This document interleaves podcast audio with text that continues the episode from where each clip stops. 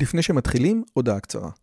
אם אתם אוהבים את הפודקאסט הזה, אתם כנראה אנשים ממש מיוחדים ומרתקים. אז אם בא לכם לפגוש עוד אנשים כמותכם, וגם אותי, וגם את רלי, אנחנו עושים מפגש עוקבים שלישי. ביום חמישי, בתאריך ה-9 למאי 24, בין השעות 7.5 ל-11.5, אנחנו הולכים לקיים מפגש עוקבים שלישי בבית שלי בנופים בשומרון. מה בתוכנית? מינגלין וכיבוד עם עוד עוקבים מרתקים כמוכם, הרצאה שלי, דיון לגבי הערוץ, ציור בסטודיו ובסוף קומזיץ ופיתות על הסאג'. הרשמה מראש היא חובה וניתן לעשות את זה בקישור שבתיאור הערוץ או לחפש את הלינק ביוטיוב. נשמח מאוד מאוד לראות אתכם. ועכשיו, לשיחה.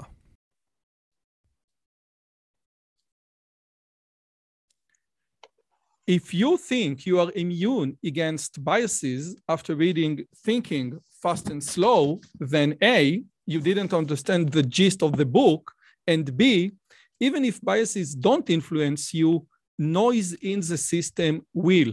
What is noise? Wait for the conversation. Hi, and welcome to my channel. My name is Dr. Roy Yosevich, and in this channel, I speak with the most interesting and influential scholars from all around the world to discuss science, philosophy, psychology, religions, and intelligence. And my guest today is Professor Daniel Kahneman. Professor Daniel Kahneman is an emeritus professor of psychology in Princeton University. He won the 2002 Nobel Prize in Economics with his lifelong friend and partner, the late Amos Tversky. And in the last 10 years, I cannot recall a single book on psychology, economics, or business that the name Kahneman is not mentioned. He is the author of Thinking Fast and Slow, another book in Hebrew, which is uh, Rationality, Fairness, and Happiness, and most recently, Noise, Flaw in Human Judgment. So Professor Daniel Kahneman, many thanks for coming today. How are you these days? Just fine. Okay, thank you so much for coming. Uh, now, your book just came out, but I wanted to speak with you much before. So, with your permission, I would like to start with a few other questions. So, uh, there is a story, I think that I read it in Nassim Nicola Taleb, that in a social gatherings many years ago, you were introduced to a physicist and he asked you, What are you doing for a living? And you explained your research. And then he just turned his back and said, I'm not interested in the psychology of stupidity. Now, is this correct? Is this true story? Yes, it, it, it wasn't a physicist, it was a famous philosopher. Um, but yes, he wasn't interested in the psychology of stupidity. Okay, so let's, from this story, let's move on to the first time uh, you were mentioned in Richard Nisbett uh, Memorial, and he said the following thing. Uh, Danny Kahneman was early in, uh, uh, he, he speak about Danny, Danny Kahneman, and then he said, Danny Kahneman was already in resistance. Shortly after arrival at the university, Amos informed Danny that Michigan researchers had shown people to be conservative Bayesian statisticians. Conservative Bayesian statisticians, Danny exploded. Humans are not any kind of statistician. And this observation launched a research program that was transformed the field of psychology and ultimately the field of economics. So if you say that people are not any kind of conservative Bayesian statistician, maybe, maybe the field itself, it is, after all, the psychology of stupidity. Maybe if we don't follow Bayes, maybe if we don't follow, you know, a past experience, something is basically about stupidity in this giant field. Well, uh, I don't think people are stupid. Uh, I just don't think that they're strictly Bayesian. The, the whole idea of people being fully Bayesian or fully rational in the sense of decision theory um, is a non-starter. I mean, it's an impossibility. Uh, so the, the kind of inferences that are needed to have a completely consistent set of beliefs um, is just completely impractical when you think about a finite mind. And the mind is finite. That doesn't make it stupid. Uh, it's limited. It uses shortcuts. But uh, who could say that people are stupid? You know, when they discover gravitational waves, go to the moon, and do all sorts of things. So, uh, no, it's not the psychology of stupidity. It's intended to be. It was intended to be the psychology of judgment and decision making. And and people in judgment and decision making mo- are mostly doing fine. Uh, when they, they do make predictable mistakes, and the mistakes are highly informative, and in some cases are also important. But by and large, it's a caricature of our work to say that its main point is to establish that people uh, are, are stupid or irrational. It really isn't. So basically, the when I read your work or Dan Ariely's work, you basically shed a light on certain specific things or situations or scenarios where people are irrational, but for the general part, people do make rational decisions and do lead their life rationally. Would, would you agree? No. uh, rationality, as I understand the term, is, is a technical term which refers to a logic. And it could be the logic of probabilistic reasoning or the logic of, of decision theory or the logic of formal logic. And that's what it is. So that's how rationality is defined. And rationality, as defined in that way, is is impossible for a finite mind. This is what I was saying earlier. That the opposite of rationality is that people are not rational according to that definition of rationality. It is absolutely not that people are irrational. This is a word that Dan Ariely has used, but I never use it. I, to me, irrationality conveys very different things. Uh, it and I certainly am really not interested in describing people as irrational. And this is not, uh, you know, people who read Thinking Fast and Slow carefully, uh, it's true that there is a lot of discussion of mistakes, but you should see that in perspective, is that when you want to study a process, a psychological process, bringing it to failure is very frequently the way to understand it. So when you're studying memory, you do this in a lot, to a large extent by studying forgetting. And so it's not that people spend their time forgetting. What is interested is, is how they remember. But in order to understand how they remember, you have to study how they forget. So that is the, the line of research. You know, this is great to see it. This is a great insight. Thank you so much. Okay, so this was question number one. Question number two was regarding your autobiography and your experiences with the late Amos Tversky. And let me just almost quote from your book. I have it in Hebrew. You said that I assume that more than half of the laughter in my life I shared with Amos. This is a great quote. And another quote that you said, another important thing that you didn't afraid to expose initial ideas, okay? Unique ideas that you didn't, uh, uh, not fully constructed ideas. And this partnership, this friendship with Amos and the ability to expose those initial ideas had a great impact on your uh, lifelong work. And I ask you as a young researcher, would you do you have some suggestion about you know finding the right partner? Because like they say in sesame street doing research together is much more fun than do is doing research alone. So can you give some some advice to how you pick up the your best partner? I think the only advice is to be lucky. It's not something that it's not something that you can plan and uh, both things happen to you or they don't. And and I was uniquely fortunate um, to to work with Amos, and I was the only one who worked that much with Amos. So I was the most fortunate person in in many respects.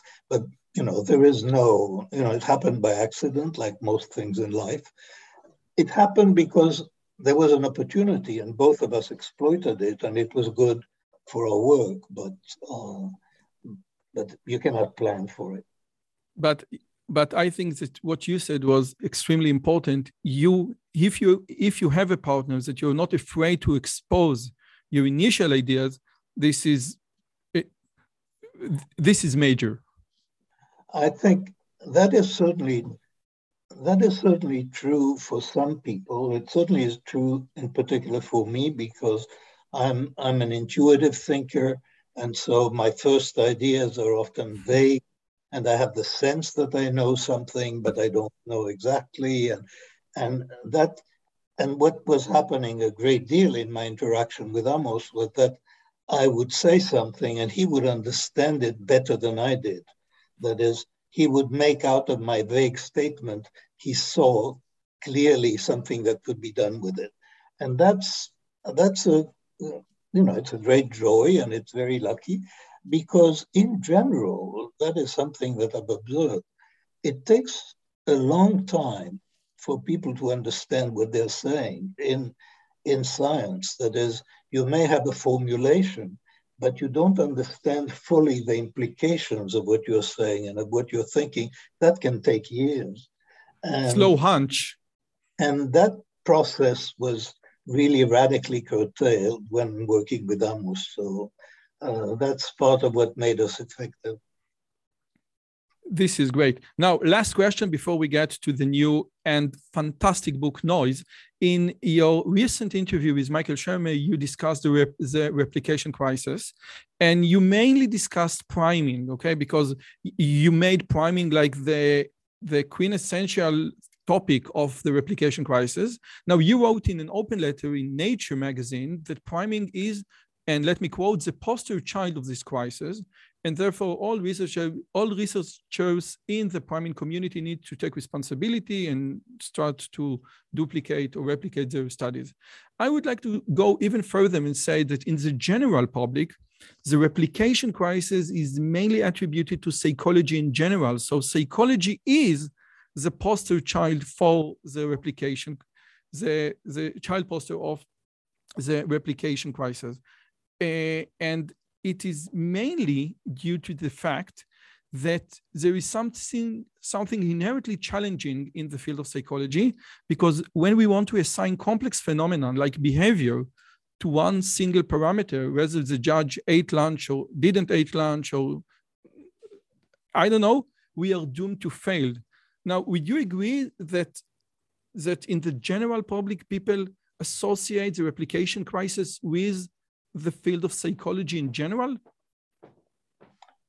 Uh, the, the whole idea that brought about the replication crisis started somewhere else. It started in medicine, and there was a famous John Ioannidis published a very famous paper, and I think the title was something like "Most published research, most public, uh, most published research is false," and that, that was a claim about very expensive medical research. In, and I think there is a, a, a problem of replication. This, this is now spread over multiple disciplines. Uh, I would say that psychology may be unique in how it has responded to the replication crisis and in, in how well it has responded to the replication crisis because over the last decade, the standards for empirical research have changed faster than in any other decade in my lifetime, certainly. And there has been huge progress in, in improving the sort of the scientific credibility of psychological research. So the replication crisis has undoubtedly been a huge blessing for psychology although some people still don't speak with each other in the yeah. field. Okay, so let's move on to your latest book, Noise. Now, if bias means that people lean toward one side or one solution, for example, some will prefer to hire only men or only women to job, noise means something completely different. on the same problem or situation, people will disagree with themselves, they disagree with others, and will do it in much higher rate than they think. So bias mean predictable error. We can predict what the error will be, and but noise mean unpredictable error. Is this correct? Not quite, because bias is not necessarily predictable. Uh, bias is just the average error, and and you cannot. In many situations, you have no idea what the bias is. I'm talking about statistical bias, not psychological bias. Statistical bias is simply the average error. And without knowing the truth, you cannot measure it. Noise is actually easier to measure. So neither of them is strictly predictable, but noise is easier to measure because you can measure the variability of judgments quite often without knowing the true score. So again, so bias mean the average of the error and if the bias is positive people tend to overestimate. If the bias is negative people tend to underestimate. Sometimes we can predict it and sometimes we cannot. So what is the definition of noise? Will will you say that noise is like what we call in statistic variance or a different thing? Well noise is uh, as we speak of noise, noise has many meanings and, and it's used in many different ways. So we adopted the word noise because we adapted it from measurement noise. And measurement noise is unwanted variability in, in measurement. So it's variability that is not associated with true variance. That's all. This is what noise is as we speak about it, there are so many different usages of noise that it's very easy to be confused. And, and the decision to use that word, we really didn't have much choice because we wanted to anchor the concept in the theory of measurement. But measurement noise is only one kind of noise. Okay, so again, in in my field, I come from the field of engineering. In my field, we say usually the noise is distributed uh, uh, uh, uh between all, uh, like the mean noise will going to be zero because there is no bias in the system. There is no way. Let's say that I I I have a ruler and I want to measure something. There is no. Why should I measure always more than the actual length? But when we don't, when we go from the physics world or the engineering world to the psychology world, sometimes we think about it differently. So could you give me as a, a bias? We know what, what bias is, but can you give me a, an, an example of noise in systems, in complex system? Well, uh, we don't talk about noise necessarily in complex systems, but noise as psychologists know about noise, but they know about it under the label of reliability. So as we use the term noise and system noise, it's what psychologists are used to thinking about as between subject reliability. And what we call occasion noise is within subject reliability. So uh, that's the, and again, the concepts of reliability are applied quite broadly within psychology. They're applied to anything that you measure, uh, but anything that people do or say. Uh, the concept of noise is restricted to judge, as we use it, is restricted to judgment and decision making. So it's unwanted variability in judgments or decisions. Okay, so it seems that if the same problem is presented to the same person twice, and each time he makes a different decision, some, something must have been changed. So unless we are willing to say that this person doesn't follow logic, because we know from computer science that the same input going to yield the same output. So something in A and B must have been changed. So what could have been changed? The context, or there is another thing? Well, I mean, anything could have changed. I mean, the context could be different, but but it's known, and I think that's extremely important that just the sheer the way the, the brain works is variable and and for example the ability to remember sequences i think kahana uh, i forget his first name from penn the university of pennsylvania he has established that there are sort of spontaneous fluctuations in the ability of people to remember series of words so that the success on one series, um, on one trial, is highly correlated with success on the immediately successive trial. And that's without any external change. In addition, external factors vary, irrelevant factors, and influence judgment. So if American judges tend to be more severe on hot days than on cold days, that is within person noise because the, the weather varies for each individual judge. And, and of course, it's irrelevant. So when we use, when, when, when we say noise, and after reading your book, you mainly refer to decision making, different decision making, different people say or do in the same domain. Let's take, for example, the insurance industry. So you give a, I don't know how you call it in, in English, undertaker, underwriter, underwriter. Undertakers or something else. Yeah, yeah, yeah. I know. I'm sorry. Underwriter.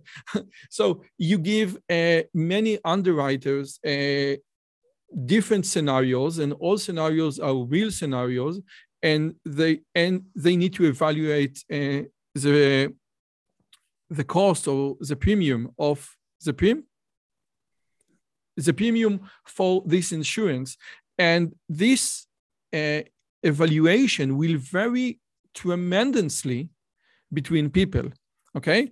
And what you say that okay some things or some factors are like you know whether he ate breakfast whether it's cold or not whether we broke up with his girlfriend but some things are much more individual differences people tend to be more conservative more liberal more conscientiousness more openness okay so there is like a profound we look at the world different people different people see the world in different eyes and from what I read in your book, this is like the main source of different decision making. Would you agree? Uh, yes. Uh, when we talk about judges, the example of judges is interesting and important. So there are three kinds of noise, and you can detect all of them in judges. So one kind of difference that produces noise is some judges are more severe than others, so that the on average they give higher, longer sentences for the same crimes. So that's one source of noise between judges. Uh, another source of noise are the context effect, what we call occasion noise.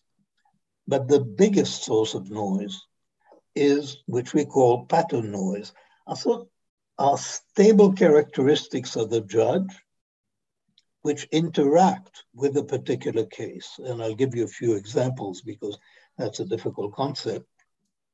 Judges differ in their tastes, basically. So there are some who get, who really hate fraud. There are some who are particularly sensitive when the victim is an old person. There, uh, there, and and even there are some who are going to be lenient to a defendant that reminds them of their son or of their daughter. And that is specific to the judge. It's an interaction between the judge and a particular case. It's a taste. And it's that kind of unpredictable, very complex individual differences that produce much of the variability, and we think most of the variability between people. And in some sense, it's very much like personality. That is, we, we know that there is a limited capacity. In personality, the, the notion of a trait is like what we call a level. It's like judges being more or less severe. It's an average. But a lot of behavior that de- defines personality is an interaction of the person with the situation. And we think something very similar happens in judgment. So again, because when I read your book, I didn't quite understand the difference between uh, uh, between uh, explanation one and explanation three. So explanation one basically is the average. Like for for example, conservative judges tend to be more severe than liberal judges, but this is just on the average. But and we can predict this. For example, we say, okay, you are a conservative judge, therefore you're probably going to be more severe. Therefore, we might do something because we know that there is like a general trait. But but uh, but explanation three or cause number three says, okay, I don't know whether whether your average trait is to be more severe or less, but your interaction with this very specific case, and I don't know why, made you act the way it made you act? Um, this is not necessarily the case. I'll give you an example. So people may know about two judges, people who watch them for a long time, uh, that this judge tends to be very severe with young people, and this judge tends to give a second chance to, to young people. Now, that's an interaction it's not an average because they can be equally severe on average. They're just severe with different people. So this it's an interaction that doesn't make it necessarily unpredictable. If you see a case, if, if you see just a few cases, you are not going to pick out what the pattern is. But in principle, there is a pattern. It's just very difficult to find it. It takes many cases, many observations to identify the pattern. It's not that the pattern doesn't exist. It's not, this is not randomness within the individual. Randomness within the individual is that other kind of noise that we call occasion noise. This is stable within the individual, and therefore, in principle, you could discover it, you could establish it, but in practice, uh, when you see just a few judgments, you're unlikely to, to find, to know the explanation. Which lead me, which I think leads me to the next question, because as you just said, noise is something that you only can regard or view as a statistical phenomenon that repeats itself. And many times we don't have enough data, therefore we assign or attribute many noise phenomena to bias. Okay. So when I face like an unfair situation or something that seems strange, how can I distinguish between a bias and the noise? If if I don't have enough data, of course. Well, when you're looking at a particular error, um, we're inclined to explain particular errors by bias. And we never explain particular errors unless outliers, extreme errors, we sometimes say, oh, that was noise. But when it's within the, the normal range of variability, we do not explain a particular error as being noise or distinguish between being noise and bias. Noise is observed, except for outliers, as I said, noise is observed when you see many cases and it's it's a it's a statistical phenomenon about groups of observations, about sets of observations. Bias is different in that sense, in that you can recognize bias in a particular decision. That is, you you might be able to predict bias in a particular decision, and there is no way, unless you know the individual very specific, I'm not being clear here. Individual differences, stable individual differences, in some sense, they're all biases. So if you have judges who differ in severity, you can view their severity or leniency as a bias. And, and even if a judge is particularly severe to young people, but not to older people, that's a bias. So the the variability. Noise is produced by individual biases to a very large extent. Uh, but in any one instance, you can either be able to predict that in advance, and then you will always be predicting from bias, but you will never be able to detect noise in a single observation, unless, as I said, it's, it's a it's a great outlier. Let's uh, go back to the Galton Francis Galton ox example, where we estimated the true weight of the of the ox. So unless someone says, okay, this ox weight one pound, which is like completely outlier, this is noise. You know, if I say 500 pounds or 1,000 pounds or 3,000 pounds, this is biases. Now, you said something which uh, uh, regarding this, uh, this example that many judgment, one case, the biases cancel each other. Therefore, we get an, a true, very exact estimate. But if I have one judge and many cases, the noise doesn't cancel out. So, so I, so it's very important this distinction. And if you could please elaborate on this, because I think it's well, tremendously important. I think there is a general misunderstanding of Galton's example and of the wisdom of the crowd more generally. It is simply not true that uh, averaging many observations makes them makes the average more accurate. When you average many observations, you end up with a bias because the bias is average error. So if people generally overestimate the weight of the ox, when you take a lot of observations, you will get a very precise estimate of the bias. One thing that is guaranteed to happen when you take many people or many observations is noise will diminish. But noise, so sampling and repeated sampling is guaranteed to reduce noise, but it is also guaranteed not to influence bias. The true bias is going to come out more clearly when, when you reduce the noise by sampling. So it's not a guarantee wisdom of the crowd people seem to think that if you ask many people, you are going to get the truth. You're not getting the truth necessarily. If there is bias, you're getting the bias. What is true is that because bias and noise contribute to the global measure of error, you're improving the estimate, you're reducing the global error by reducing noise but you're not approaching the truth merely by reducing noise. In order to approach the truth, you must eliminate bias.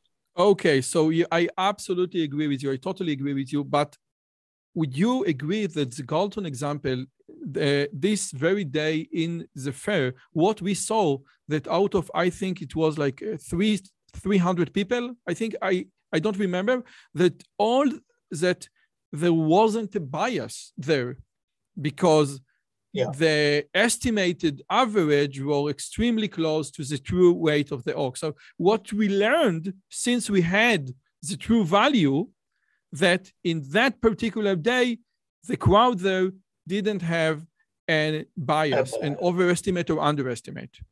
That's correct. That's, okay. what, that's what we found. So there, there are really two two aspects of, the wisdom of the crowd.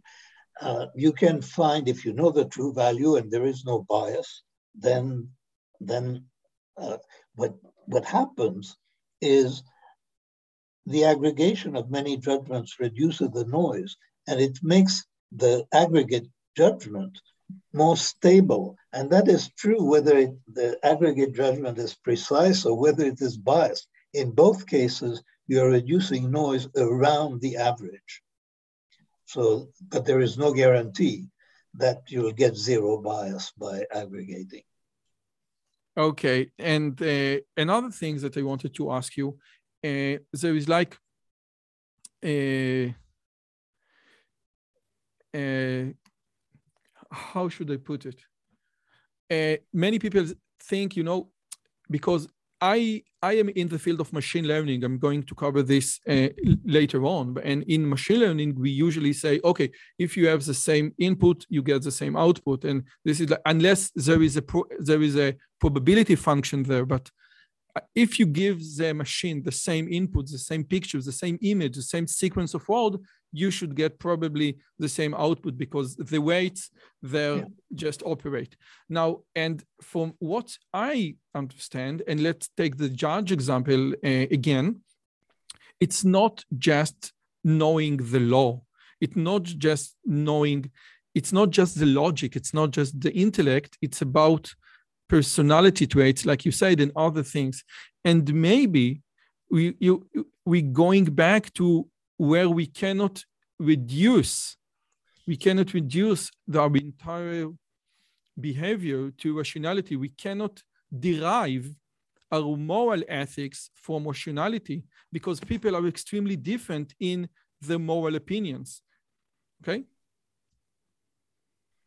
I mean, you you you started with machine learning, and you ended up with morality and Okay, so so okay, so my question is, if many people say, okay, you can derive morality from rationality. Sam Harris, for example, okay? If you think about it, you will come out to, you will eventually come to the conclusion of morality. You can derive the moral aspect of life from logic. And many people say, mm, it's not going to be the case. And my question is whether the judge example show that, that we have such a different aspect of different, uh, uh, so many different people think differently, and they all very smart people. So there is the rational, and there is something independent that there are the moral, the personality, and one cannot derive. You cannot say or you cannot uh, influence one, a severe judge, to be less severe with logic. You can't you can't influence a liberal judge to be more severe with logic. Would you agree? Well, I mean, I disagree with so many parts of what you just said that I don't know where to begin. But the, the first thing is I think it's a very rare, it's, it's not the common opinion that you can derive morality from, from logic. The common opinion is that you cannot derive ought from is, so that those are very different domains. And there is, uh, I, I, think Sam Harris believes that you can derive morality from, uh, from you know, rational arguments, but not many other people do. There is something else uh, happening. Uh, and so given that I don't agree with the premise, no, I'm not sure what the question is. Ah, so okay, if you don't agree with with the premise, so it doesn't matter. So let's go on to the to the field of machine learning. And in machine learning, what we have is a bias variance problem. And many people, when they discuss machine learning models, usually say, listen, there is a problem, and there is a very profound problem in machine learning models that we learn on one distribution and then the data, the test data, the real world data, it comes from another distribution, a different distribution. Okay. So we can't learn, we can't train a model to detect cats because future cats are going to come from the same distribution that past cats has come from. But if we want to forecast the Bitcoin price based on what happened uh, three years ago, it's not going to it's not going to happen because the Bitcoin price right now comes from a different, from entirely different distribution than the Bitcoin price three years ago. So, and you refer to the different distributions in your book in chapter 10. So my question is regarding the different di- distribution, is this the same with human, where as human, we are trained or we are leaned toward one distribution and where we are presented with data from another distribution, we just cannot we just cannot extrapolate or we just cannot generalize. And I think this is a term generalize to the new uh, data or to the new distribution. Well, uh, clearly, in most situations when you're doing machine learning, uh, you have a holdout sample, but it's a holdout sample from the same population. So the distribution is in principle the same. And the bias variance issue that you uh, that you raise, which is indeed raised often, is that there is a trade-off between the precision with which you account for data in the training set uh, against the accuracy with which you can predict the, the data in the holdout set. So that's the variant, the bias variance uh, framework. Now, uh, what else was there? I lost the I lost the rest of the question. So again, uh, is you are absolutely correct that we have test data and holdout data but again when we when we put or deploy those model in the real world their accuracy tend to decrease because again real world data or real world scenarios going to produce another different distribution. I mean if the regime changes then of course we cannot predict. So uh, the the ability I mean, the you know the Bitcoin data are not drawn from a stable distribution. I mean that the so uh, I think it's obvious that if the regime changes in ways that are unknown to you, uh, that it's going to take some time. That you're you're going to make systematic errors if you extrapolate from the past. Um, that that I think everybody would agree with. But would you say that may, that maybe the concept of machine learning in enabler or helping us making a decision making is going to somehow eliminate noise because machine learning or those models are less susceptible to many noises that you introduce in the book? For for example the context? Well in general but any rule, as you pointed out, uh, any rule that is applied consistently uh, is going to eliminate noise. So that is true of simple rules and it, and it is true of machine learning algorithms. So that is guaranteed. The, the elimination of noise is guaranteed. Accuracy is something else. The, but uh, the, all you need all you need to know is that any algorithm or, or, rule applied consistently is going to eliminate noise.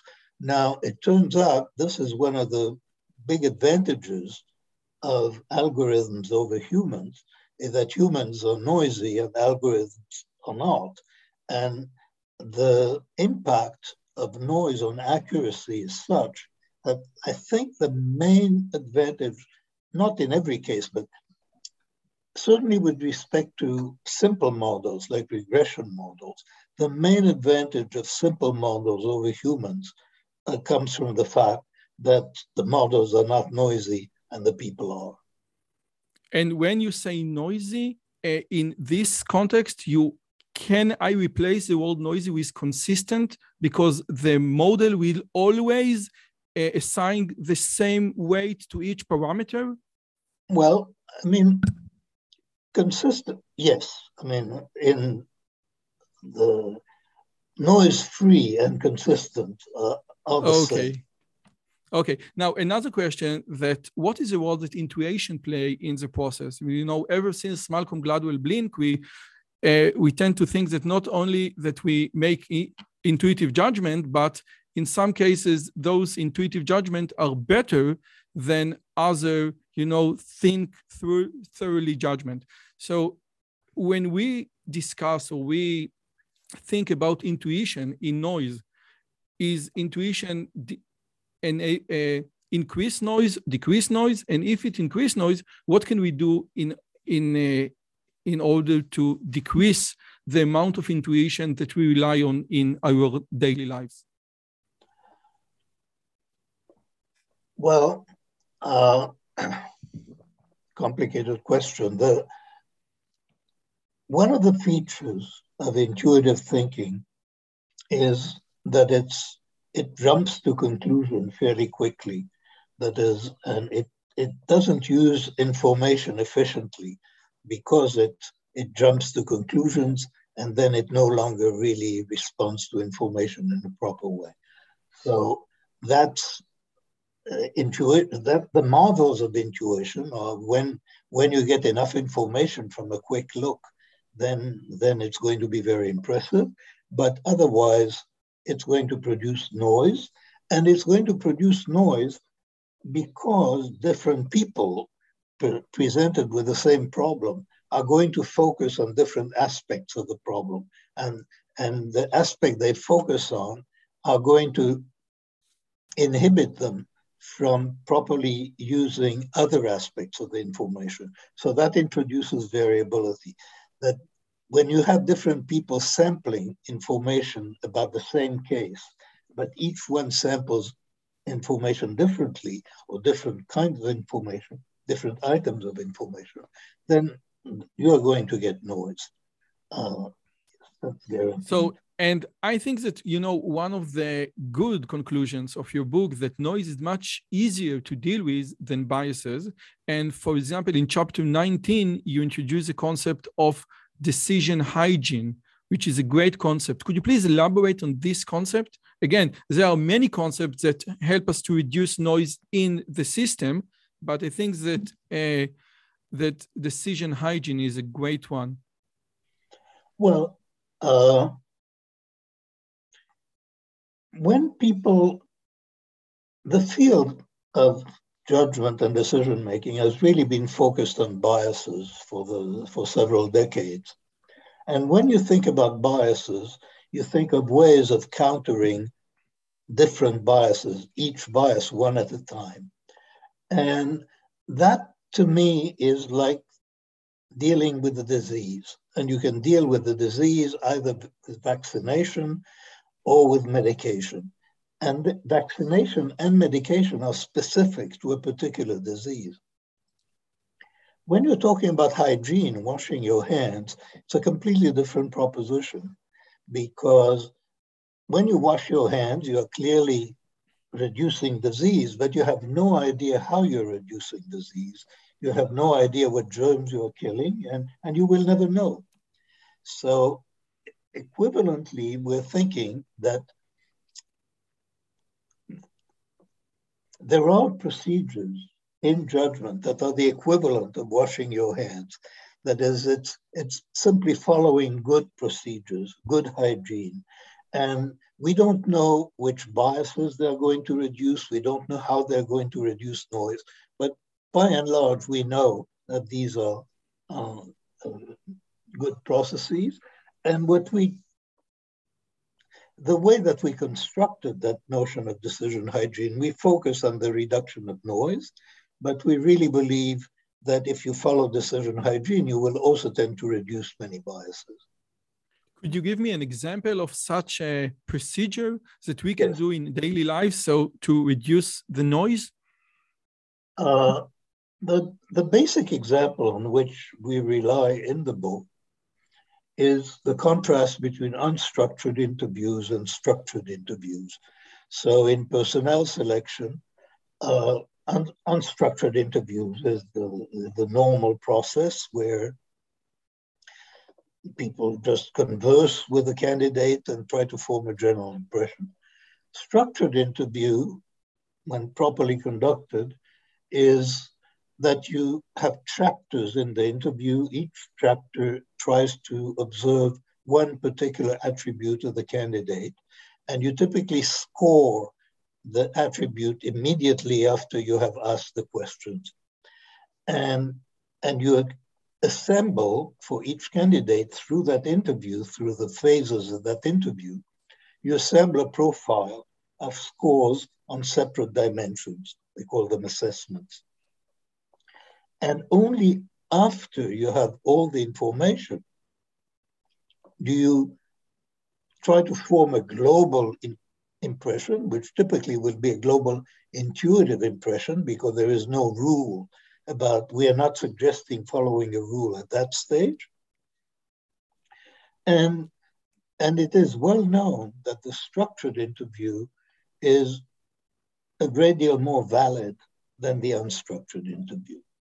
Now, we generalize that idea that when, when you're approaching a decision, you can view the options in the decision as candidates, and you can apply the same logic that a structured analysis of the options in a decision is going to lead to better decisions than an unstructured approach to the decision. So that's, that's our main example of decision hygiene, is structuring. And a secondary aspect of structuring is that it delays intuition. That is, instead of in the unstructured interview, it's known that people form an impression very quickly and they spend much of the time of the interview looking for justifications for the impression they have already formed. Uh, in the structured interview, you don't waste time. You, you deal, you, you access new information throughout the interview. So uh, you don't have time. Delay, and you delay and you delay the intuition. So delaying intuition until you have all the information is an important aspect of decision hygiene. This is a great example. So let me take you back to your first job in the Israeli army, the IDF, is try to assess soldiers are where, uh, whether they're being suitable to become officers. And you said, and this is a great story, that there was like a place where all the soldiers were, were, were taken, they were given bunches of tasks, and you had to evaluate them. And you said, and I, I think I quote, you can see instantly, almost intuitively, who is going to be the leader, who is going to be the vice president, who is, who is the vice leader. And then three three months or two months after, when the when the officer school got the report, it has non-correlation whatsoever with your assessment. So looking back at your first job in the Israeli army, would you say that this was a noise and intuitive process that you had to be more structured? Well, uh, certainly we had certainly structuring uh, would help in that case. The main phenomena that I described in, in that story was something that I've called the illusion of validity, yes. which is the very strong impression so that you do know who is going to be a good leader or not. And the striking thing that I talked about was that even when you knew the statistics so that you knew that actually you could not predict, you still got that intuitive sense of very high confidence that you can predict accurately. It's like Hofstadter law. The job takes more time than you think, even if you are familiar with Hofstadter law. Okay, mm-hmm. so uh, Professor Danny, thank you so much for your time. I have one last question, one last question with your permission. Uh, you know, in the Israeli Jewish culture, we have two famous Kahneman. One is, of course, you, and the other one is Yosef Shlomo Kahaneman, the founder of Ponevezh Yeshiva in Bnei Brak. And my question is, uh, and he was your uncle. And my question did you ever meet him or did he influence your life in any way?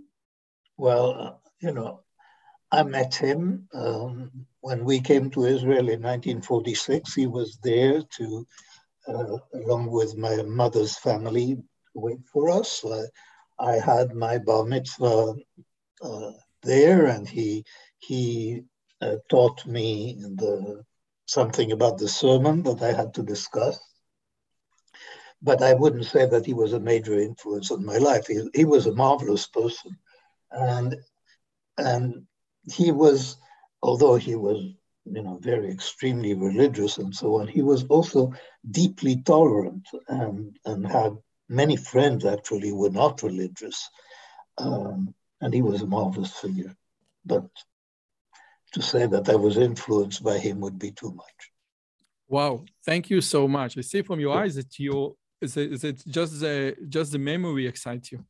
So, yeah. uh, and if you don't know who uh, Yosef Shlomo Kahaneman is, he's a founder of one of the leading yeshivas of the ultra-Orthodox uh, section uh, sector in uh, Israel, and he ordered to uh, put the Israeli flag on the yeshiva every Independence Day, which is a great which is a major in Israel. Professor Daniel Kahneman, thank you so much for your time. Thank you so much for your lifelong work. And may God give you much, you know, many more years of research and good work for humanity. Thank you so much. Thank you. Bye bye. Bye bye. אם הגעתם עד לכאן, מגיע לכם כל הכבוד. אז תנו לי להגיד לכם שלושה דברים קצרים. הדבר הראשון, אם שמעתם משהו בשיחה שמעניין אתכם, שאתם רוצים לקחת הלאה, פשוט ספרו אותו לאנשים אחרים. משהו מעניין שאני אמרתי, משהו מעניין שהאורח שלי אמר, איזשהו רעיון שאתם רוצים לקחת איתכם לחיים, פשוט ספרו אותו לחבר או לחברה. זאת הדרך הטובה ביותר לזכור את הרעיונות מתוך השיחות האלה.